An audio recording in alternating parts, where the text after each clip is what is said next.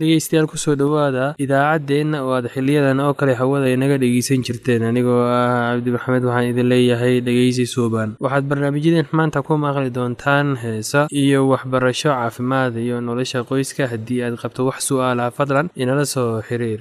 Ciwaankeenna waa radio somaly at yahu dt com. Mar labaad ciwaankeenna waa radio somaly at yahu dt com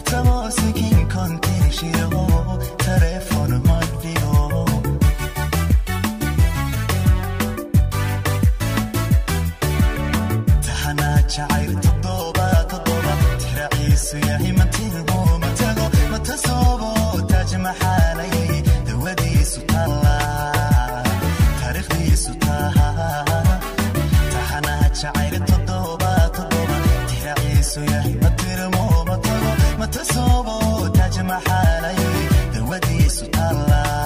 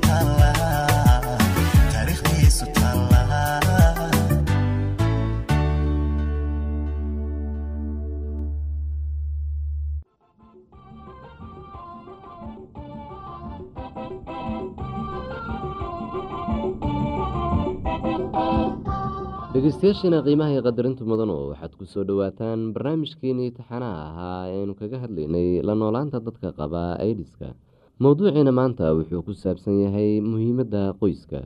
Qoysyadu muhiimad weyn bay u leeyihiin dadka qaba h i v-ga ama aidiska guriga qoysku wuxuu ahaan karaa hoy meel dadka ku nasan karo iyagoo aaminsan in la jecel yahay lana ogol yahay meel geesi inay ahaadaan ama ay qariyaan dareenkooda. Haddii qofka qoyskaaga ka mid ah uu qabo h i v ama idis siyaabo badan ayaad ugu gargaari kartaa. Waxaad ugu gargaari kartaa inay nastaan adigoo u fulinaya shaqadooda guriga. Waxaad ugu gargaari kartaa adigoo siinaya cunto nafaqo leh uguna soo adeegaya suuqa una karinaya. Waxaad ugu gargaari kartaa inaad ka baabi'iso cabsidooda adigoo u muujinaya kalgacayl haddii h i v ama idisku aada qabto waxaa wanaagsan in qoyskaagu ogyahay waayo waxay ku siin karaan kalgacayl iyo taageero. Mustaqbalkaaga ayaad qorshe u sameyn kartaa. Waxay kula qeybsan karaan culayska ka haysta dhanka dhaqaalaha. Aada bay kuugu fududaan doontaa haddaadan qarin marxaladaada haddii qof ka mid ah qoyskaaga uu qabo idis waxaad kartaa inaad raashin iyo biyo u soo qaahdid inaad dharka iyo go-yada ka dhaqdo iyo inaad karkaarisid. Xasuuso haddaad qabtid h i v ama idis waxaad adeegsan kartaa aqoontaada oo aad oo dadka kale ayaad ugu gargaari kartaa. Waxaa qoyskaaga bari kartaa siduu u faafo idiska waxaad ugu gargaari kartaa siday ugu digtoonaan lahaayeen h i v-ga tani waa gacan ka geysashada ugu kalgacayl weyn oo aada sameyn karto. Marmarka qaarkood markuu nin uu ogaado in afadiisu ay qabto h i v ama idis wuxuu ka fogeeyaa guriga ay ku wada nool yihiin. Marmarka qaarkood naagta ayaa ninkeeda hadduu qabo h i v ama idis ka fogeysaa amase ka tagta. Kala tegiddu waxay sababi kartaa mushkilado kala duwan shaki kuma jiro in caruurtoodu ay dhibaatoobayaan. Caruurta waxay waalidkood ugu baahan yihiin kalgacayl iyo hogaamin. Kala tegidoodu waxay sababi kartaa inuu h i v faafo tusaale ahaan ninka naagta qaba wuxuu qabi karaa h i v laakiinse wuxuu raboon karaa inuu guursado naag kale. Naagta cusub ee uu guursado waxa ay qaadi kartaa waxa ay ka qaadi kartaa ninkeeda h i v-ga. Waxaa wanaagsan inaysan kala tegin ninka iyo naagta isqaba h i v awgii ee ay mustaqbalkooda ku dadaalaan siday nolol wanaagsan u sameyn lahaayeen. Mararka qaarkood qoysku wuxuu ku murmaa sababta u keentay h i v-ga. Arrintani waxay abuuri kartaa caloolxumo weyn waxayna qoyska u keeni kartaa qorshe mustaqbalka ay u sameyn kari lahaayeen oo adkaada. Waxay adeyg uga dhigi kartaa inay ku noolaadaan xaqiiqada. Xasuuso dadka qaba h i v ama idis waxay u baahan yihiin macaamiil dhaqaatiireed si ay fiicnaan u dareemaan cimrigooduna uu u dheeraado. Ragga xaaska leh ama qaraabo kale oo magaalada ku harsan waxay weli taageero siin karaan xubin qoyska ka mid ah oo tuulada u laabaneysa waxayna u tegi karaan booqasho haddii naag la qabo ay dib ugu soo noqoto tuulada waxay horey u qaadan kartaa waxyaabaha ay leedahay oo ay ku iibsatay lacagteeda xaq bayna u leedahay inay haysato waxyaabaha ay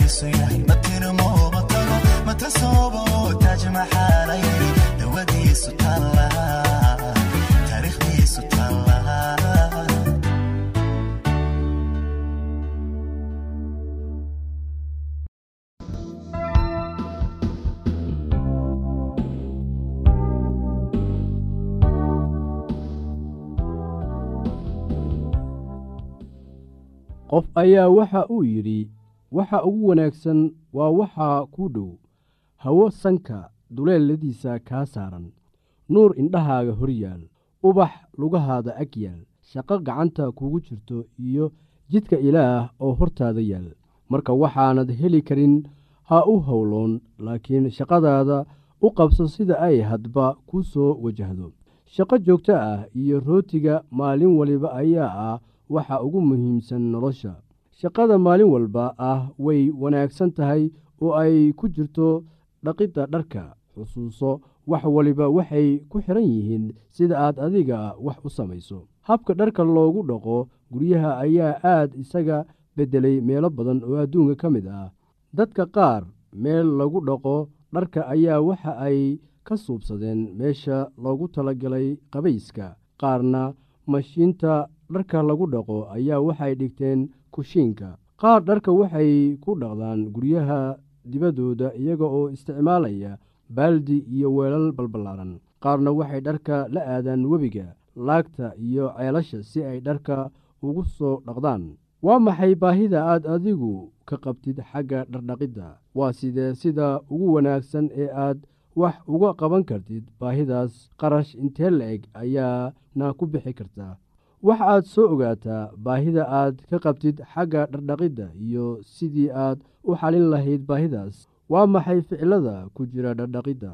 Waxaa laga yaabaa inay yeelato afar weji kuwaasoo ah kala soocid dhaqid riinjigelin iyo feerayn ama kaawdiyeen. Liiska isaga ah miyaad wax ku dari kartaa? Waa liiska ah soocid dhaqid riinjimarin iyo kaawdayn afartan shayba aad ayay muhiim u yihiin marka la eego dhardhaqidda.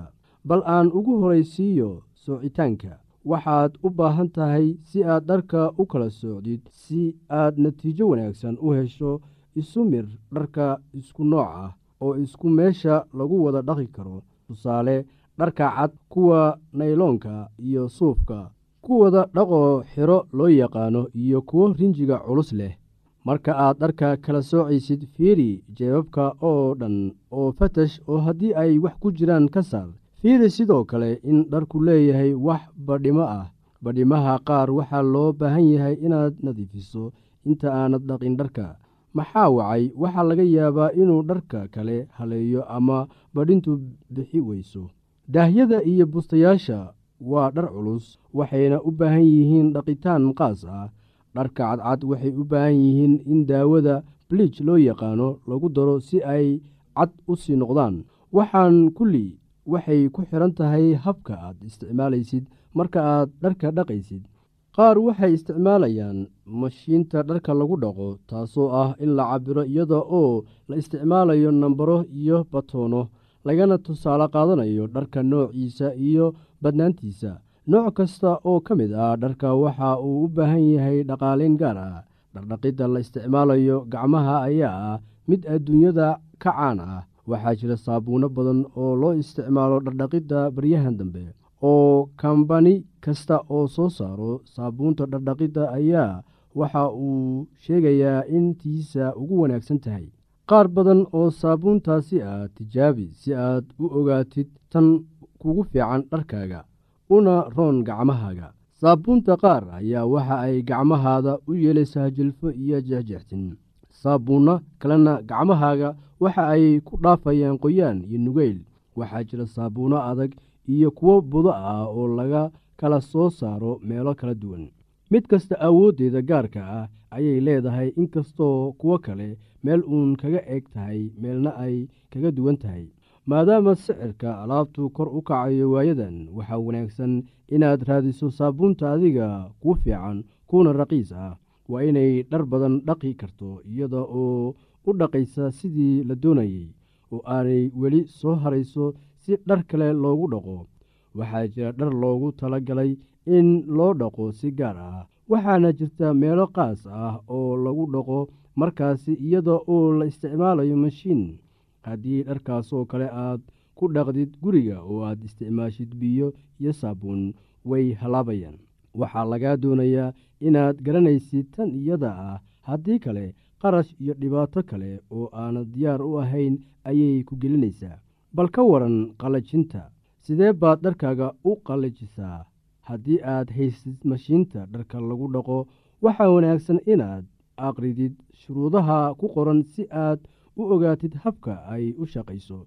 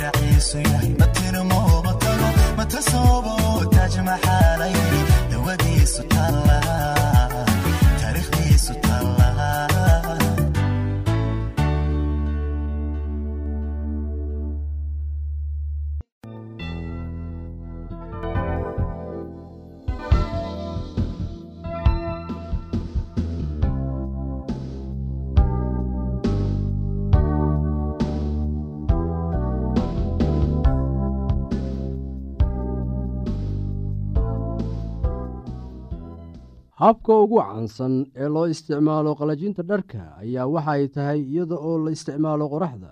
Dharka ayaad ku waraysaa dhulka ama dayrta ama geedaha korkooda kadibna kulaylka qoraxda ayay ku qalalayaan. Habka kale ee la isticmaalo ayaa waxaay tahay iyadoo dharka laga soo lulo ama laga soo laalaadiyo meel. Dabadeedna waxaa jirta shay lagu qabto dharkaasi uusan u soo dhicin. Dabaysha baabinaysa dharka iyo qoraxda hayse awgeed ayaa markii ku qalalayaan.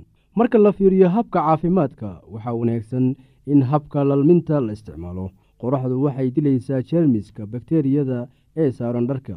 Midda kale waxa ay kaa dhib yaraynaysaa feerada ama kaawdaynta maxaa wacay? Dharku ma lahaanayo laalaabin ama kadkaduud badan.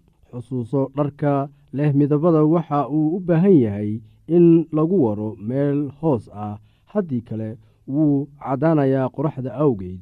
Markaad dharka kaawadaynaysid horta dharka kale ee u baahan fayraynta waxaaad ka socdaa kuwa loogu yeero dhaqo xiro.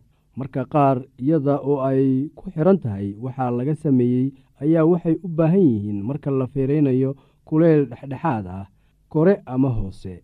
Dharka noocaasoo kale ahna waxa uu u baahan yahay soocitaan dharka qaar waxay u baahan yihiin in laga feerayo gudaha oo quraasi dhanka kore ee dhaldhalaalaya aanay feeradu wax ugu geysan.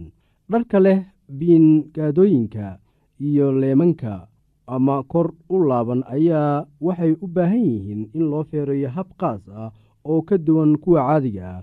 Laakiin xitaa tan way iska caddahay. Sidee baad u laalaabaysaa dhar aanan kaawadaysnayn qof ayaa waxa uu yidhi qofka waxa aad ka garan kartaa dharka uu xidhan yahay xagga nadaafadda habboonaanta dharka wanaagsan adigana wuu kuu fiican yahay kuwa ku eegayana sidoo kale. Bal walaalayaal aan haatanna idin xusuusiyo waxyaabihii aan horay uga soo hadalnay. Qof ayaa waxa uu yidhi waxa ugu wanaagsan waa waxa kuu dhow hawo sanka duleeladiisa kaa saaran nuur indhahaaga hor yaalla ubax lugahaada ag yaal shaqo gacanta kugu jirto iyo jidka ilaah oo hortaada yaal. Marka waxaanad heli karin ha u howloon laakiin shaqadaada u qabso sida ay hadba kuu soo wajahdo. Shaqo joogto ah iyo rootiga maalin walba ayaa ah waxa ugu muhiimsan nolosha. Shaqada maalin walba ah waxay wanaagsan tahay oo ay ku jirto dhaqidda dharka. Xusuuso wax waliba waxay ku xidhan yihiin sida aad adiga wax u samayso. Habka dharka loogu dhaqdo guryaha ayaa aad isaga beddelay meelo badan oo adduun ka mid ah. Dadka qaar meel lagu dhaqo dharka ayaa waxa ay ka suubsadeen meesha loogu talagalay qubayska. Qaarna mashiinta dharka lagu dhaqo ayaa waxa ay dhigteen kushiinka. Qaar dharka waxa ay ku dhaqdaan guryaha dibaddooda iyaga oo isticmaalaya baaldi iyo weelal balballaaran qaarna waxay dharka la aadaan webiga laagta iyo ceelasha si ay dharka ugu soo dhaqdaan waa maxay baahida aad adiga ka qabtid xagga dhardhaqidda waa sidee sida ugu wanaagsan ee aad wax uga qaban kartid baahidaas. Qarash intee la-eg ayaanad ku bixin kartaa. Waxa aad soo ogaataa baahida aad ka qabtid xagga dhardhaqidda iyo sidii aad u xalin lahayd baahidaas. Waa maxay ficilada ku jira dhardhaqidda waxaa laga yaabaa inay yeelato afar weji kuwaasoo ah kala soocid dhaqid rinjigelin iyo feyreen ama kaawdiyen liiskan isaga ah miyaad wax ku dari kartaa?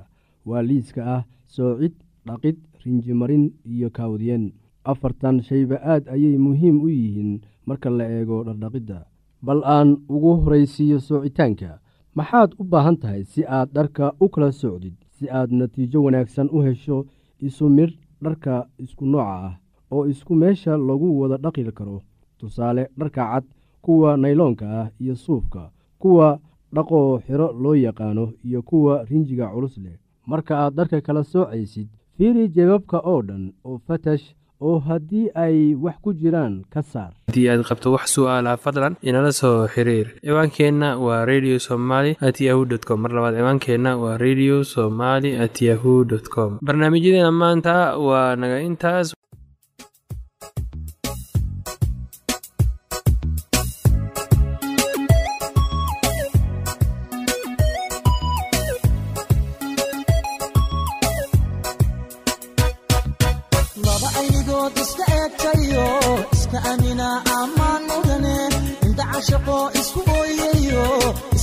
is-ilashada aamino isxaashaqayba allaylehe ammaan mudan eebow eebow ubaqaylesi eebow u adeegasi